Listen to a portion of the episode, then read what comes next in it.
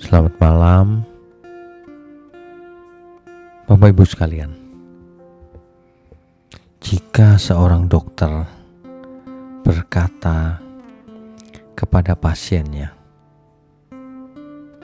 "Bapak atau Ibu sudah boleh makan apa saja."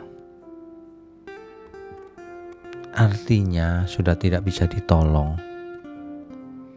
Betapa terkejutnya sang pasien. Ternyata ia memiliki waktu hidup tidak lama lagi. Kalau manusia mendengar bahwa dirinya ada di ujung maut, kira-kira apa yang akan dilakukannya?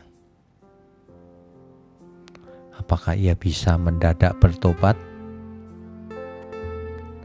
Ataukah ia malah tidak mau bertobat? Ataukah bahkan ia bertobat? Ini tergantung daripada respon masing-masing. Yang pasti, kalau seseorang sudah dekat dengan kematiannya, seharusnya ia berpikir panjang.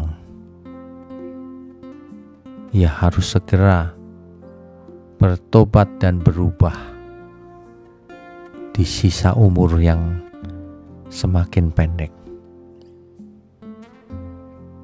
Masalahnya itu banyak orang yang bandel, keras kepala, sudah sakit pun tidak mau berubah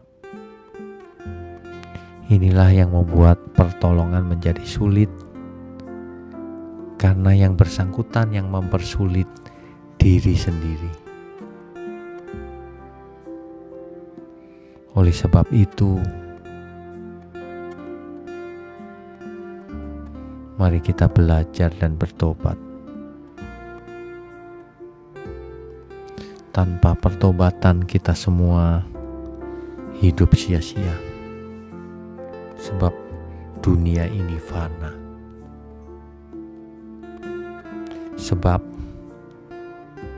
dunia ini hanya sementara. Manusia pada akhirnya akan sakit dan banyak persoalan.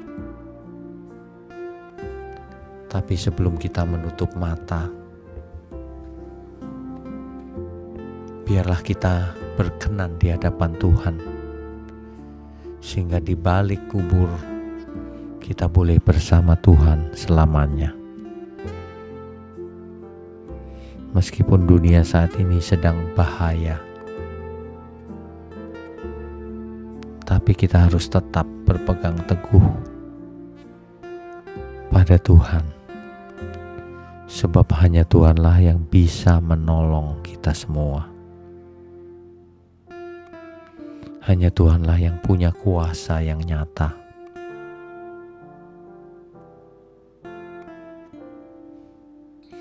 Selamat malam, selamat beristirahat.